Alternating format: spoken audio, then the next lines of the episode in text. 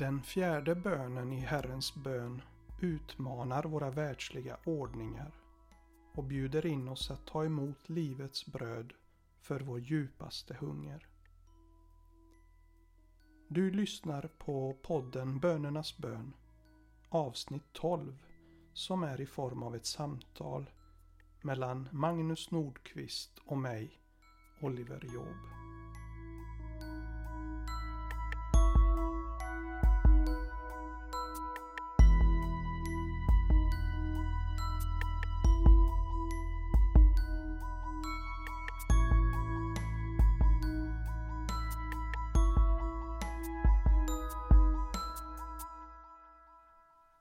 När vi spelar in det här avsnittet så närmar sig jul.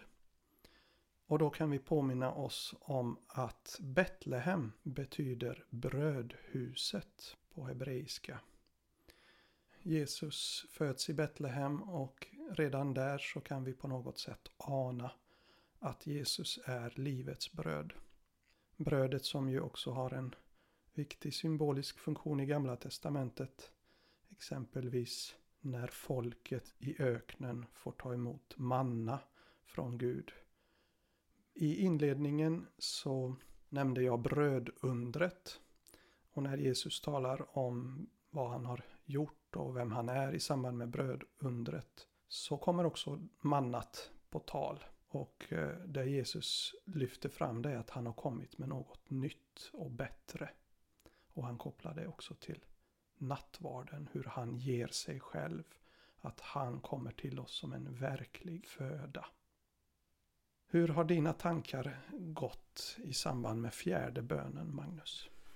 Ja, det är ju som alltid väldigt mycket tankar som föds eh, och jag, jag tyckte väldigt mycket om din inledning och uh, tycker att du lyfter fram många väldigt eh, intressanta och viktiga aspekter på det här med bröd och det dagliga brödet och kopplingen till, till Kristus. Alltså det är ju något fascinerande med bröd i sig. Tänker jag nu. Eh, för det, det, men det har smak och struktur och ja, och det, det är fullt med näring och de flesta av oss har i alla fall någon gång varit med och bakat bröd och liksom känt doften av nybakat bröd. Och, ja, det har så många, det väcker så många associationer. Bara själva ordet. Ja. Och, och så är det ju fascinerande att, det, att brödet eh, också får eh, en eh, huvudroll i kyrkans viktigaste bön. Och det är i centrum av bönen på något sätt. Det är tre böner innan och tre böner efter. Precis. Och som du, lite man, man läser, liksom lyssnar på det du säger så kan man både, både, så kan det både vara någonting som man eh, hajar till inför. Alltså något så trivialt som, som bröd och samtidigt så, så intuitivt så förstår man direkt eh, betydelsen och ja. det viktiga med brödet. Det, det ligger så otroligt nära av, av liksom nära eh, vad det är att vara människa. Att vara behov av bröd då. Det tycker jag du fångar bra där. Vi har ju bröd i överflöd. De flesta av oss i vår del av världen. Och därför är kanske för många av oss så upplever vi inte den här existentiella dimensionen så starkt. Mm. Eh, ser man det på det historiskt så har jag tänkt att den här bönen har ju säkert eh, ropats ut och gråtits ut av människor. Ge oss brödet. Av hungrande människor. Det påminner oss om att det finns människor runt om i världen som gör det idag. Mm. Alltså den, den här bönen förlorar inte i aktualitet historiskt och världsvitt även, även i sin mest konkreta betydelse. Nej, det får ju mig att tänka på att eh, man har, alltså en viktig praktik i kyrkan som jag tillhör är ju, och förvisso i, i många kyrkor på olika sätt, nej men är ju fastan. När jag växte in i ortodoxa kyrkan och eh, började praktisera fasta och eh, eh, något år gjorde det lite mer allvarligt än jag kanske har haft möjlighet till att göra förr eller senare så ja, på det sättet att man, man, att man verkligen kan känna den här un, hungern. Då får ju brödet också ett annat värde för en. Det blir inte så viktigt eh, eh, den här sensationen av smaker och, och liksom matupplevelsen som man väldigt lätt när man lever det här överflödet som vi gör eh, jagar efter.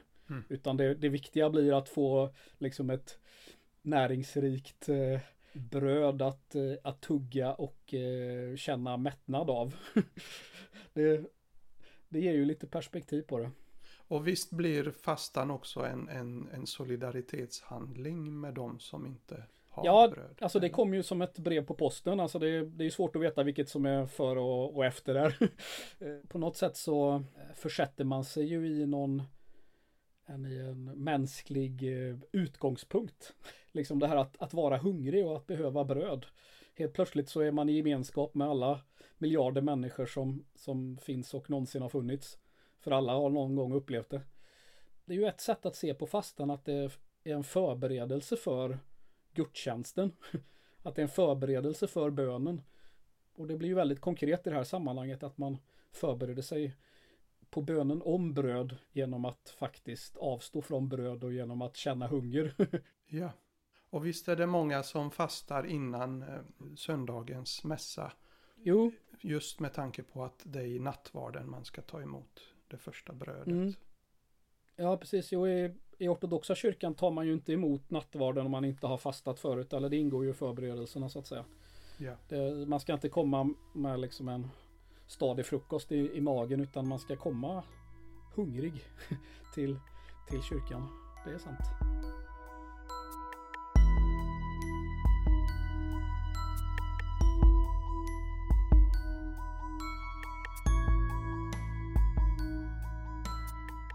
Men innan vi går in på det här mer, kanske det som handlar om gudstjänst och andlig föda, så tänkte jag på det här med att eh, i vår tid så blir ju kampen och fördelningen av bröd och välstånd, alltså bröd i vid bemärkelse, det som har med vårt uppehälle att göra.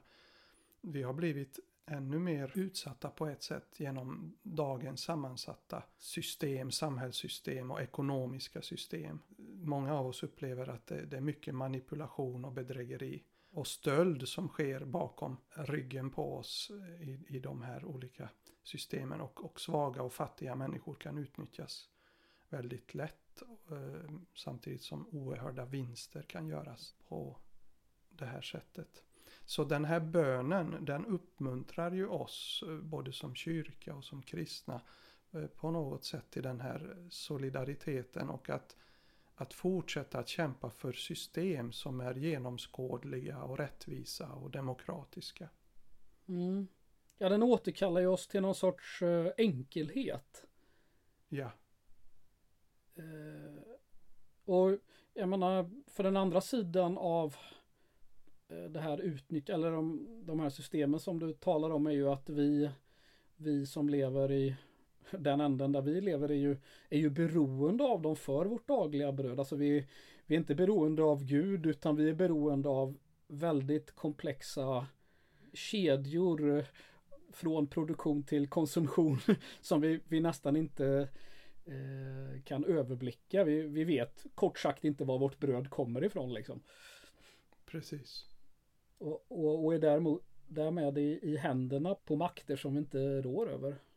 Eh, ibland när jag pratar med andra föräldrar att eh, det är så många saker som vi behöver köpa hela tiden. Vi, vi är så i händerna av marknadskrafter att eh, förutom brödet, det mest nödvändiga, så det är så mycket som vi har blivit beroende av och eh, så mycket som vi hela tiden måste köpa. Det är så höga summor vi ger ut varje månad. Det gör ju också att det finns en sorts ny fattigdom där man inte orkar hänga med i den här Mm. jakten på alla de här sakerna man ska ha varje Nej, precis. månad. Så den här, den här bönen om det dagliga brödet är också en, eh, eller potentiellt så innefattar den också en, en, en förändring i vår inställning till livet kanske och vår, alltså den, den kallar oss till en, en större enkelhet. Eh, bort ifrån det här komplicerade och komplexa och alltså alla skapade och oskapade behov så att säga. Som ju också omfattar eller liksom får sin energi av vår rädsla för att dö i både bildlig och eh, bokstavlig mening till att, att våga överlåta oss åt Gud och därmed åt ett enklare liv, eh, åt ett liv i förtröstan på att vi även idag får det vi, vi behöver. Förstår du vad jag menar? Ja, jag tror det. Och det kan hänga ihop också det här med ordet daglig. Alltså den här förtröstan på att Gud sörjer för oss. Eh, den korta framförhållningen. Precis. Ja, du, du betonar ju din inledning där, alltså faders perspektiv på det hela, eller Guds perspektiv på det hela, att han som en god fader ger oss varken mer eller mindre det, än det vi behöver för dagen. Men, men om vi ser det från det här perspektivet, mer från ett existentiellt perspektiv, ett mänskligt perspektiv, så är det också att lära sig att bara ta emot det vi behöver. Att inte, att inte eh, låta vårt begär eller vår vår rädsla för, för, för osäkerhet och eh, i dess förlängning död gör att vi kräver och mer och, och mer och att vi vill bygga de här ladorna och fylla dem med säd så att vi åtminstone har vår framtid säkrad för ja, så långt vi kan eh, så långt fram vi kan tänka oss utan att vi nej det är idag mm. Det är dagen som är viktig det är liksom ett ett liv i tacksamhet idag som vi kan kräva. Ja. Och att kunna skilja på behov och begär. Det betyder att jag också ska kunna avstå eh, från det jag begär. Eh, det blir en sorts andlig övning kopplat till den här bönen. Och som också kopplar till fastan som vi har pratat om tidigare. Eh, att, att kunna öva sig att avstå. Och i, alltså genom, alltså det vi vinner genom denna övning är ju faktiskt frihet. Ja. Eh, och en befrielse från, från rädsla. Om man, eh, om man tänker med, med de kla klassikerna så drivs ju våra begär ofta av den här rädslan att dö och rädslan för det osäkra, den osäkra morgondagen. Men genom att förtrösta på Gud, genom att begränsa vårt behovsfönster så att säga till det som det vi behöver nu och idag så, eh, så befrias vi också från den här rädslan. Eh, ja. Det, det, det är ju till synes paradoxalt men jag tror att vi alla kan eh, uppleva att det, att det verkligen fungerar på det sättet. Ja. Och, och, det försökte jag illustrera på något sätt med den här pyramiden. Alltså att, att vända upp och ner på behovspyramiden om man nu kan göra så. Det, det... Nej men det var väldigt välfunnet tycker jag. det var riktigt bra. För jag tänker att vi är så inne i det där med att, att tänka på det här sättet. Att det materiella finns i botten och, och, och det andliga som vi ser det placerar vi som pricken över i ett lite andligt intresse också. Kan inte skada i livet. Men att, att Bibeln faktiskt ser på det tvärtom. Mm det kanske var den, eh, den liksom viktigaste eh, reflektionen som jag gjorde när jag lyssnade på, på dig eh, i din inledning. Just att du som vanligt håller jag på att säga, nej men avslutar din, din framställning där jag egentligen skulle vilja börja. Det vill säga att som kyrka och som kristen så är det naturligt för mig att börja i eukaristin, att börja i gudstjänsten. För det är på något sätt den som Alltså om jag börjar där då faller, faller bitarna naturligt på plats. Om jag börjar med att och fira att Kristus är livets bröd. Ja men då, då förändrar det min inställning och mitt sätt att se på allt bröd i hela världen. För då, då ser jag att, jag menar även det mest liksom torra håller jag på att säga, och knastriga bröd faktiskt är eh, heligt i någon mening. Alltså det är, det är på något sätt genomlyst och eh, genomsyrat av av eh, gudomlig närvaro. Mm. Eh, och därmed så är det inte min, min egendom eller någonting som jag kan, vad ska man säga, anspråk på utan det är någonting som jag, jag får del av genom eh, gudomlig nåd. Och som jag därmed också naturligt bör dela med mig av till andra. Och, och, och det, det överbrygger också liksom i ett slag den här synen som vi ju lätt eh, har och är, liksom som ofta är praktiskt för oss. Alltså när vi delar på andligt och materiellt och liksom hjälper mig att förstå att jag menar egentligen så är allt andligt. Eh, eller det, det, kan vara antingen allt Antingen är allting materiellt eller så är allting andligt. alltså det beror på vilken utgångspunkt jag har. Mm. Jag, jag, får bilden av liksom när det är mörkt så se, ser vi inga färger. Då, och är det riktigt mörkt ser vi ingenting alls. Men, men, men, eh, men när solen går upp så exploderar tillvaron i oöverskådlig mängd färger och former och eh, så är det med när Guds ljus går upp i våra liv, eh, när Kristus får eh, tvätta våra ögon eh, så ser vi plötsligt allting på ett helt nytt sätt.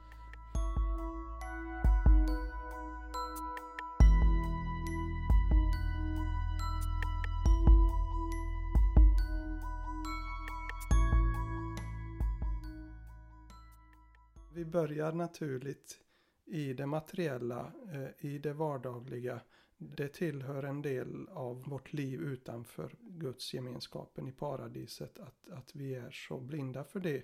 Ehm, ungefär som jag också tänker att när vi börjar be, att många börjar be just med tanke på detta att vad, vad kan Gud ge mig? Den här bönen har ju också missförståtts på det sättet ibland. Och inte bara den här bönen utan bön överhuvudtaget. Att bön handlar om att Gud ska ge mig vad jag behöver eller till och med då begär.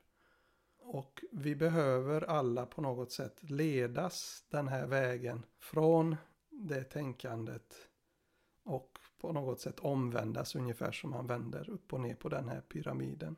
Så att vi landar i mm. den här förtröstan. Ja, och det kan, viktiga kanske inte är vilken, vad ska jag säga, vilken väg vi tar utan att vi just landar i det. Nej men som vi var inne på i något tidigare avsnitt där att, att det, det är eh, allmänmänskligt att be, det är allmänmänskligt att, att begära, det är allmänmänskligt att eh, vända sig utåt med sina behov, sina önskningar.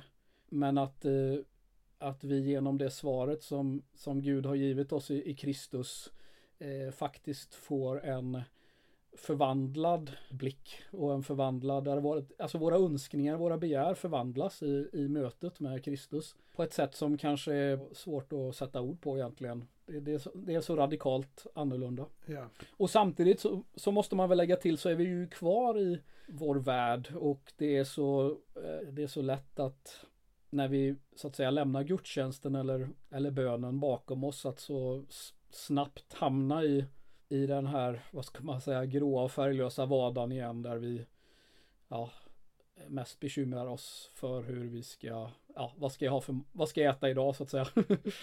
så att det är ju, det är ju verkligen inget, det är inte en förvandling som, som vi lyckas leva i i den utsträckning som vi skulle önska. Mm, där är nattvarden en väldigt fin påminnelse, den här rytmen att få återvända till nattvarden och, och sändas ut och då blir också den här fjärde bönen en påminnelse. När vi tar med oss den ut och med oss i vardagen, då påminns vi om vad vi har fått. Att vi har fått livets bröd, att vi har fått komma till Jesus, ta emot honom som en gåva.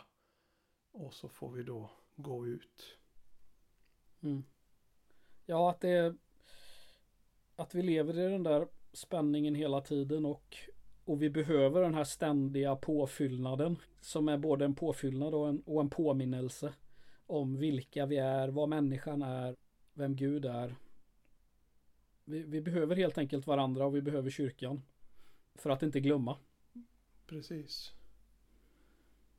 Och då är det så spännande med den här bönen i mitten också. Jag resonerar ju lite grann kring det här med de första tre bönerna och hur de behövs för att vi ska kunna be fjärde bönen på ett bra sätt. Att eh, om man blickar framåt nu så, så har vi på något sätt landat i, i världen. Vi lever i den här spänningen mellan eh, livet i världen och, och inspirationen och livet vi tar emot genom Jesus och, och, och nattvarden. Och nu så kommer det handla om förlåtelse, om frestelse, om ondska.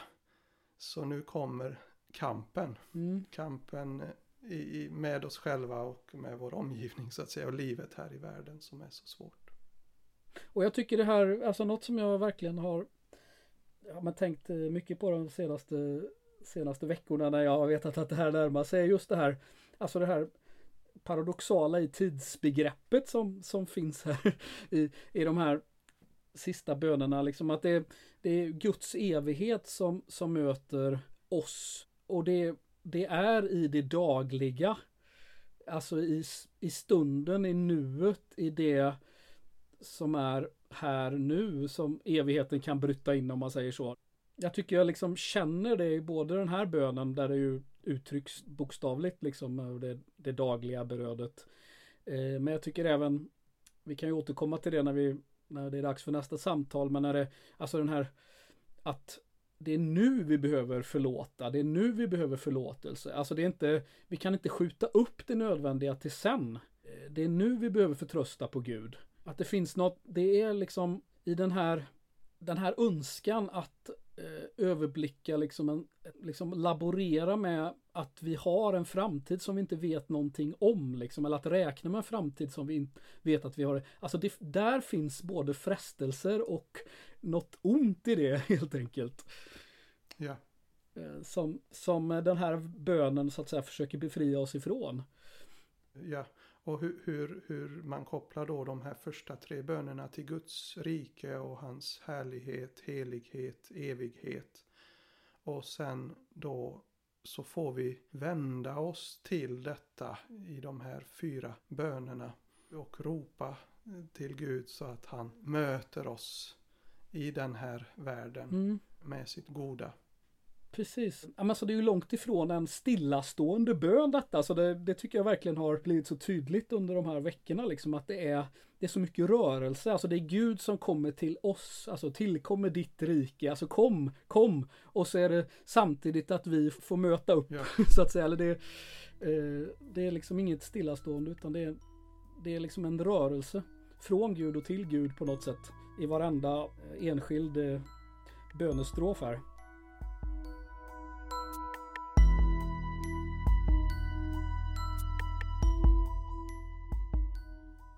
Nästa avsnitt av bönernas bön kommer handla om den femte bönen. Förlåt oss våra skulder, liksom vi har förlåtit dem som står i skuld till oss. Den kommer i början av nästa år. Vi tackar er våra lyssnare så långt och ber att ljuset från Betlehem ska leda oss alla på vår väg hem. Musiken i podden har Josef Rimshult bidragit med.